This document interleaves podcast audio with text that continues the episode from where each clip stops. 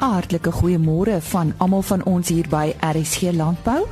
Ons eh, program vanoggend fokus op waterbestuur werkswinkels wat aangebied is deur die melkprodusente organisasie. 'n Wetenskaplike van die Universiteit van die Vrystaat gesels oor predasiebestuur en die negatiewe impak op die vee- en wildbedryf. Die nuutste wolmark verslag kom ook aan die beurt en dan gesels ons met Christie Huber van die Landboubemarkingsraad oor 'n kwesbaarheid studie. So bly ingeskakel. Die NPO het 'n reeks werkswinkels aangebied wat fokus op effektiewe en verantwoordelike waterbestuur, maar om meer hieroor te vertel, Barbara Beeld, sy is bestuurder markbeskerming en ontwikkeling. Môre liefie, die werkswinkels hierdie jaar het plaasgevind in KwaZulu-Natal, in uh Ikopo en Escort en dan ook in die Wes-Kaap en George, ehm um, Swellendam en Mamasbury. Hmm. Uh, ons het spesifiek die melkprodusente uitgenooi om hierdie wer werkswinkels te kom bywoon. Ehm um, die hoofdoel van die werkswinkels was om ehm um, vas te stel wat uh die behoeftes is van uh melkbore ten opsigte van kennis van die vereistes van die waterwet en dan ook uh die nakoming van die vereistes van die waterwet. Hmm. So ehm um, daar's natuurlik 'n behoefte daarvoor. Vind julle boere dat hulle oor die algemeen nie bewus is daarvan nie of dit net nie nakom nie? Ehm um, ek dink uh in die meeste gevalle is dit 'n kwessie van die boere is onseker. Ehm um, hulle weet van sommige van die vereistes, maar uh hulle is glad nie ingelig oor wat van hulle verwag word. Ehm uh, spesifiek ten opsigte van slukdamme, uh van die afvoer van afvalwater in die slukdamme en dan ook is daar groot behoefte ten opsigte van die besproeiing ehm um, met die water in slukdamme. Hmm. Uh, het dit enige verbintenis met die droogte? Is daar 'n 'n meer van 'n bewustheid wat geskep moet word as gevolg van die droogte? Ehm um, Lise, ek dink nie daar's die die droogte het regtig ehm, 'n um, groot effek hierop nie behalwe dat uh die regering is nou baie meer gefokus hmm. uh op spesifiek uh die die verantwoordelike bestuur hmm. van waterbronne. Dis nou jou uh oppervlakwaterbronne soos jou damme en riviere en strome en dan ook die grondwaterbronne en ehm um, die effek van besoedeling op hierdie waterbronne. Dis uh dis waaroor dit gaan. Wie was deel van hierdie werkswinkels behalwe nou die uh, NPO lede uh weet aanbiedings gedoen? Ehm um, die NPO het het uh 'n werkswinkel gehad met die regeringsamptenare vroeër die jaar en um, ons het besluit dat dit nodig is dat ons saamwerk met die departement water en sanitasie uh wat 'n nasionale departement is wat kantore het in die streke en dan ook met die verskillende provinsiale departemente van omgewingsake wat spesifiek gemoeid is met afvalbestuur. Hmm. Ja. Kan hierdie werkswinkels uitgebrei word na die ander dele van die land toe?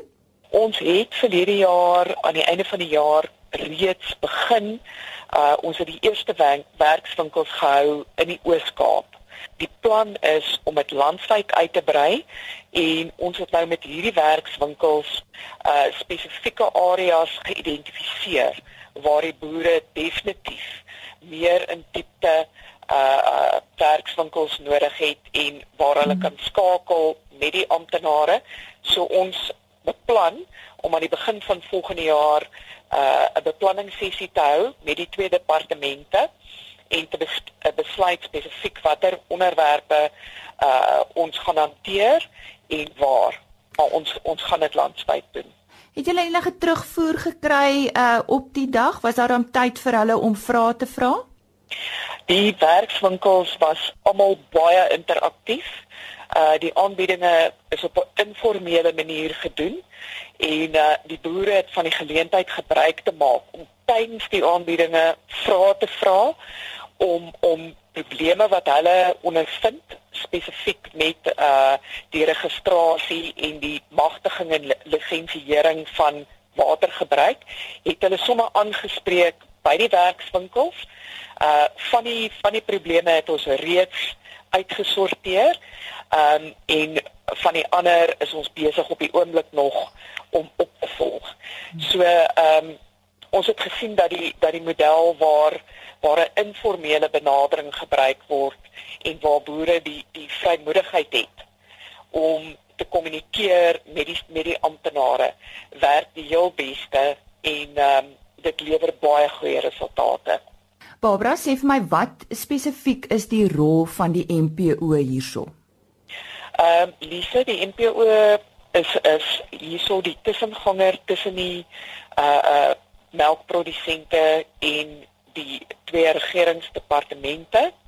Ek is uh spesifiek die kontakpersoon by die MPO. Ehm um, en die melkprodusente moet asseblief my direk skakel of vir my 'n e-pos stuur as hulle hmm. enige navrae het in verband met uh registrasie, magtigings en lisensieringsprobleme wat hulle ondervind. Ehm um, by die departement van water en sanitasie. Goed, gee ons net 'n algemene kontaknommer sowel as jou e-posadres asseblief. OK, my kontaknommer is 012 843 5600. Uh vra net vir Barbara Beeld en my e-posadres is barbara@mpo.co.za. Dit was aan die stem daarvan Barbara Beeld van die melkprodusente organisasie, sy's bestuurder markbeskerming en ontwikkeling. En nou oor na Henny Maas vir 'n gesprek oor predasiebestuur. Ons uh, gesels nou met uh, professor H.O. De Waal, hy is 'n wetenskaplike en hy is ook 'n kenner van predasiebestuur by die Universiteit van die Vrystaat. En ons gaan 'n bietjie met hom gesels oor predasie in die algemeen en die negatiewe impak van predasie op die vee en wildbedrywe.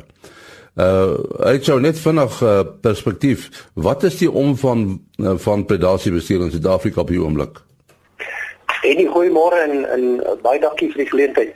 Uh, kyk daar's baie verskillende opinies wat hieroor bestaan, maar in ons het nou so wat spesifiek hierdie slag gemaak. En elke keer wanneer die studies gerapporteer word, dan besef ons die omvang is eintlik nog groter as wat ons op hierdie stadium. Maar as ons nou alles bymekaar tel op hierdie stadium, wat ons nou uh, dit is baie konstruktief. Dan praat ons van enigiets oor die 2000 miljoen en dit lyk asof dit stels meer as 2.5 miljoen of dan nou 2.5 miljard rand vir Suid-Afrika. En dan tel ons nie die indirekte skades in die landsekonomie ensovoorts uh, in ag nie. Nou daar seker nuwe denke en benaderings uh, om om om hierdie predasie meer sinvol te bestuur, né? Nee? Ons het nou al in die verlede baie oor hierdie saak gepraat. Kom ek stel dit baie eenvoudig. Al die lande waar predasie 'n groot uitdaging is, is die staat betrokke, behalwe Suid-Afrika. En ons moet dit omkeer. Maar met ander woorde, ons sal nou die punt bereik en dit lyk vir my met die operasie Pakisa wat nou onlangs in Pretoria plaasgevind het, is daar 'n baie sterk gedagte dat predasiebestuur en die verantwoordelikhede en aktiwiteite by die staat terugkom. Dit beteken ons moet eintlik erken predasie en die gevolge is 'n nasionale prioriteit. En dan het ons die departement landbou want die predasie waarvan ons praat vind eintlik op plase plaas. Met ander woorde veeplase en ook wildplase. En ons moet geen illusie in die verband hê nie. As diere rooi bloed het, word hulle gevang. Ons dilemma wat ons het. Ons weet nie wat die presiese omvang is nie en ons weet ook nie in watter gebiede is daar die groter brandpunte nie.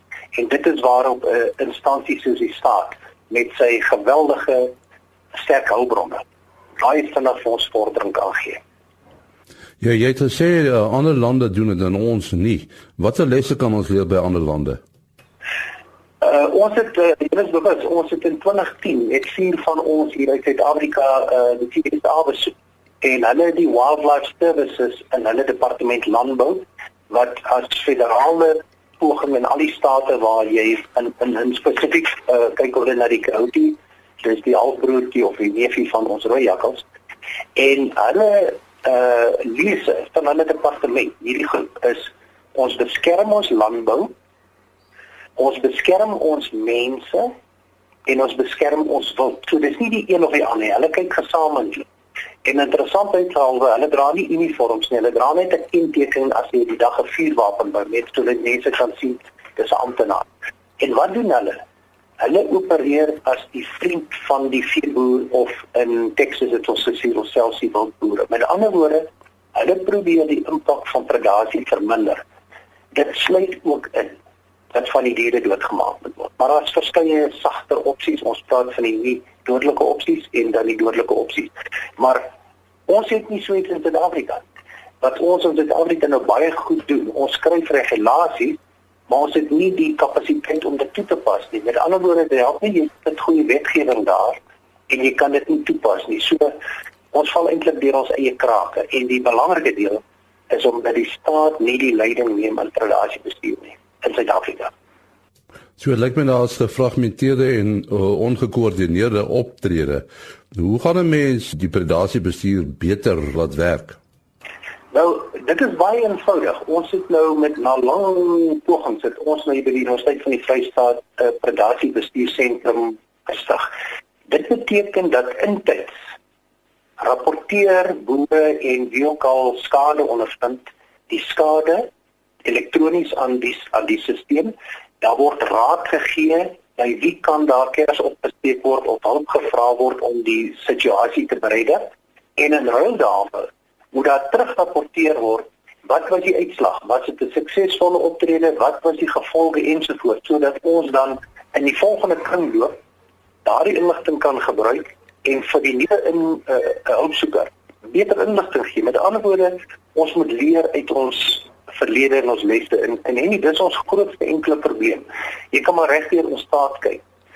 Ons het vergeet wat ons gister en eergister gedoen het, selfs wat ons vanoggend gedoen het. Met ander woorde, daar's nie institusionele geheue nie en ons doen die dinge oor en oor en dan verwag ons 'n ander soortige uitslag. Toe 'n gefragmenteerde optrede, boere doen dinge uh roofdierjagters doen dinge, die staat waar hy betrokke is om dit te keer doen sy dinge en nie eenaan weet nie by die ander hand is dit baie belangrik. Ons weet nie of ons enigstens met die pogings wat aangewend word, predasie vlakke verminder nie. Want as dit nie gebeur nie, is ons met 'n lekker speletjie besig. Ek sê in eenvoudige taal, sê dit dat Marie nou so goed gedoen het in tennis. Die roofdiere het ons ses stroop oor aan op hierdie stadium.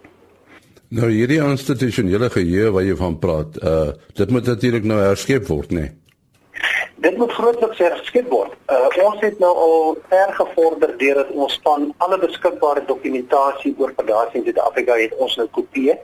Uh meeste het ons harde kopieë, dit is ander elektronies.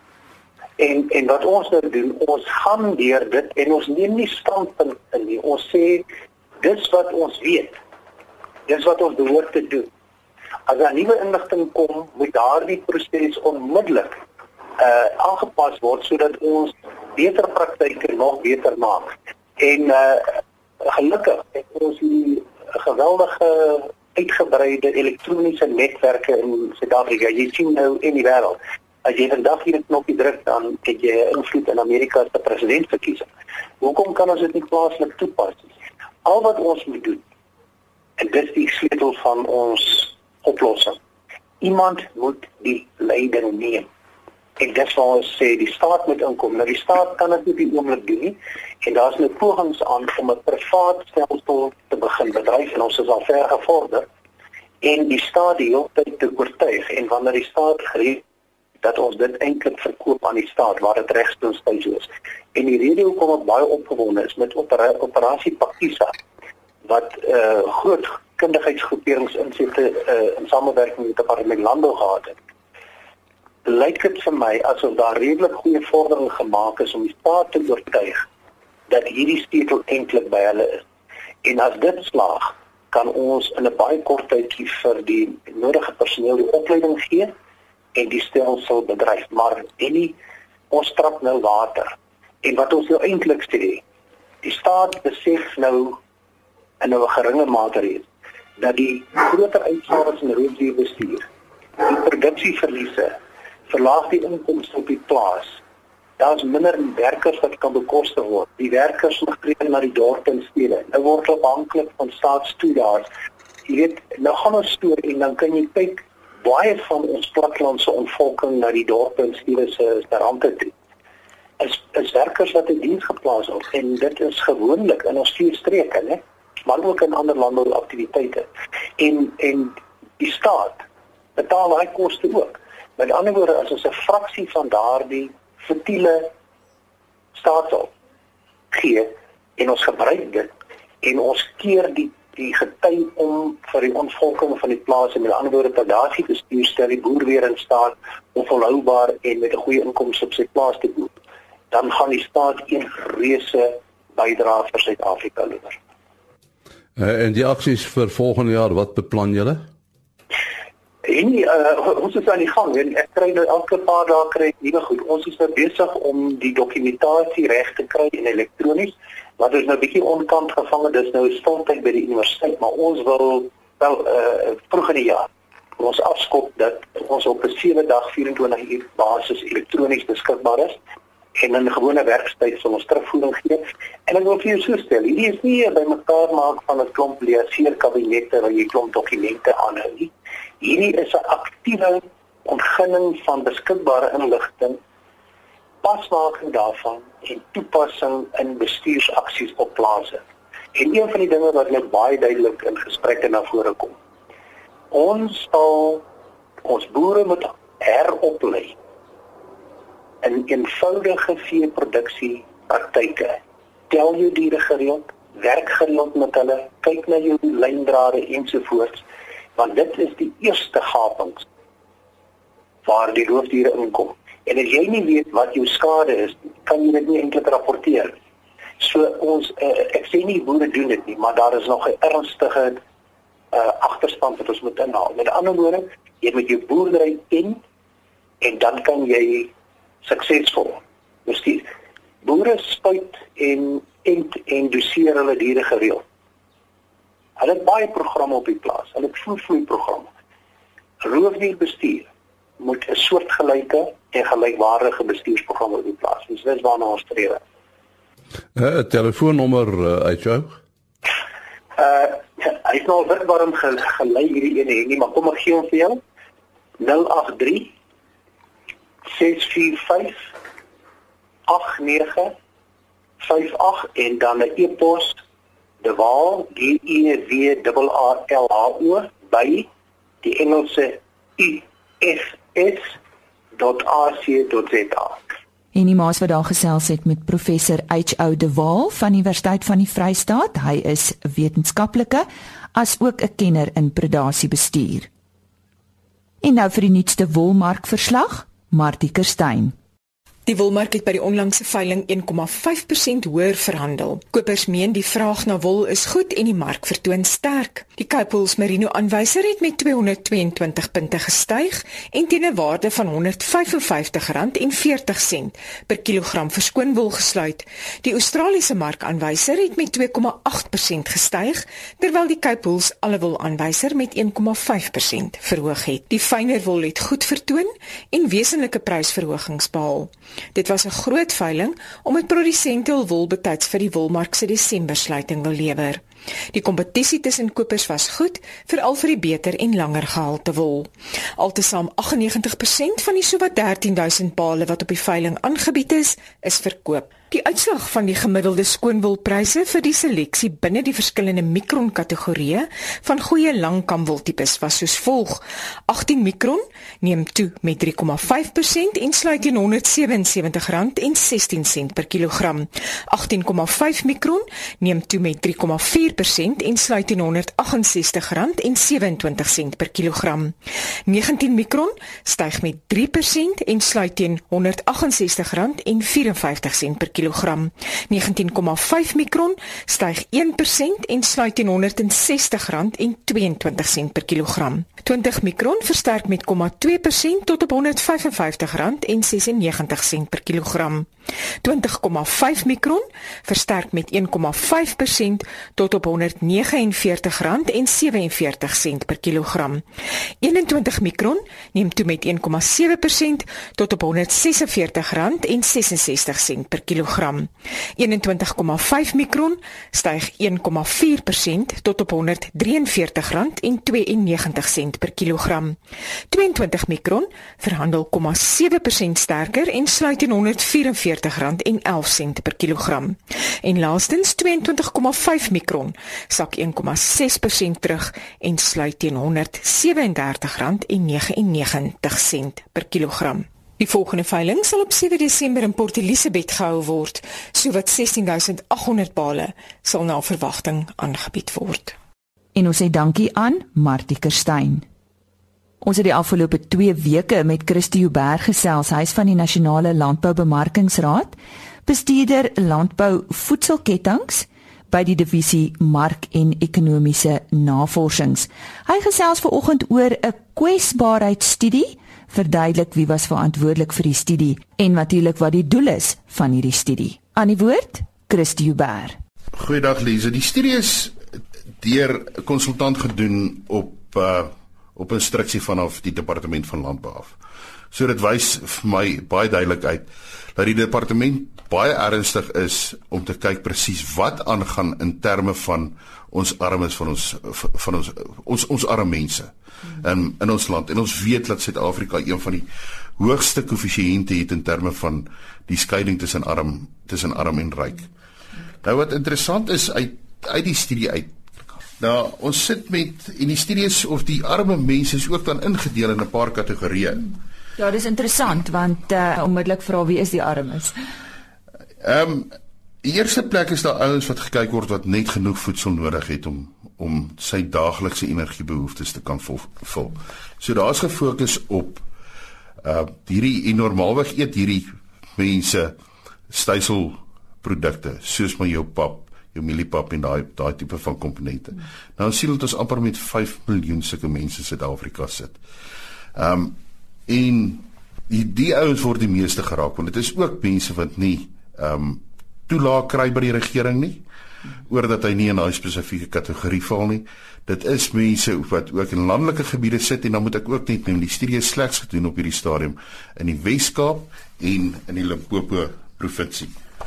En dan is dit verder geëkstrapoleer na die totale land toe. So ons sien dat ons sit met so ten minste diskant 5 miljoen mense sit wat nie genoeg geld het om sy daaglikse energiebehoeftes te kan voldoen nie. Die volgende een is maar basies daar waar mense ook dan toelaag kry wat ingevoeg word wat hulle praat van 'n 'n poverty line nommer 2 en hierso sien ons dat ons met 'n verdere 5 miljoen mense sit in hierdie kategorie.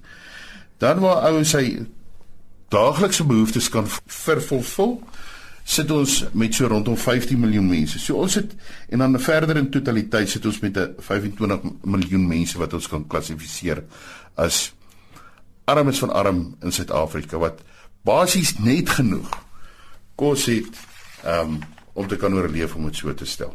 Okay, dit is 25 miljoen uit hoeveel? Uit ons 54 bevolking.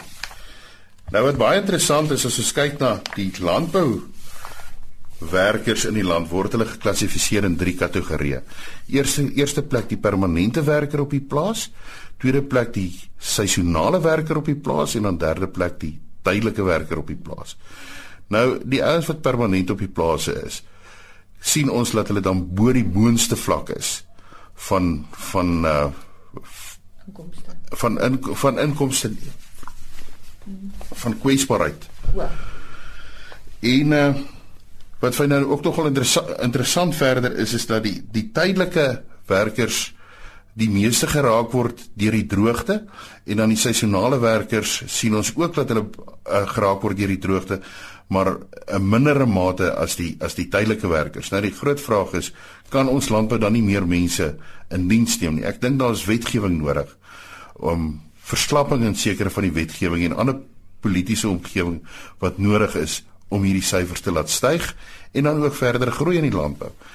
Nou daar is ander klomp aspekte wat die wat ons kan laat ander dag gesels oor hoe om die landbou verder te laat groei. Ja, so daar's 'n paar partye wat hier bymekaar moet kom. Is dit maar eintlik wat jy vir ons probeer sê, want jy kan nie net die verantwoordelikheid by die uh plaaseienaar of die produsent laat nie. Dis ook um die regering wat um se verantwoordelikheid nagekom moet word. Ja, ek dink die regering probeer sy verantwoordelikheid tot dalk op ander maniere nakom. Soos as ons kyk na ons ons toelaatstelsel. Weet jy Lize, ons spandeer nou al reeds in die omgewing van 130 miljard rand aan toelaas.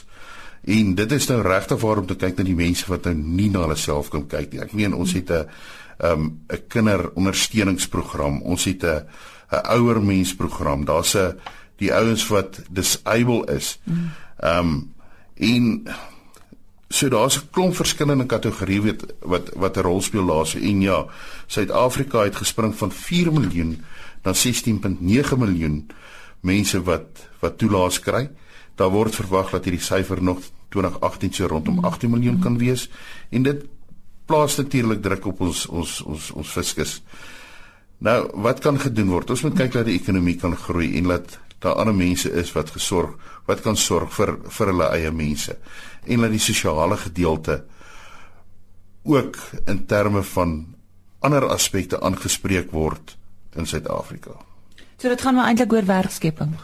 Dit is presies en 'n ou kan slegs werk skep aan die einde van die dag as jy ekonomie kan groei. So ons moet daai omgewing moet ons kyk dat dit hmm. laat dit vooruit gaan. Nou die departement het nou daai studie gedoen. Uh, weet jy wat hulle nou wat hulle volgende stap is? Ek bedoel om werk te skep is nou nie iets wat môre kan gebeur nie ehm um, het hulle nou 'n aksieplan in plek.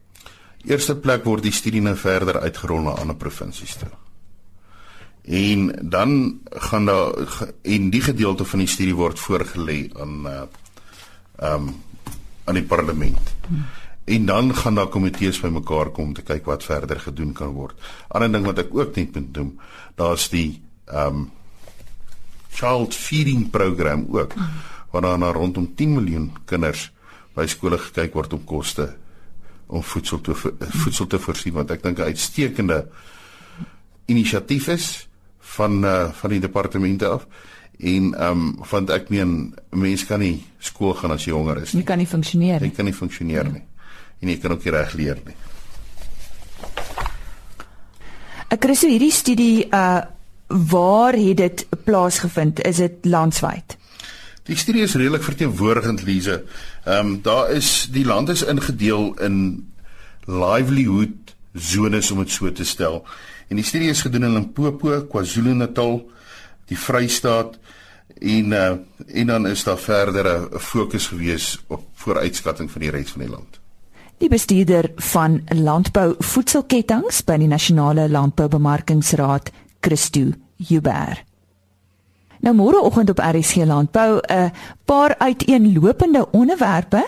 Ons gesels oor 'n pink sout uit die Kalahari stevia produksie in Suid-Afrika. Nou stevia is 'n natuurlike plaasvervanger vir suiker. Dr. Johan van Rensburg gesels oor kalfdiarree.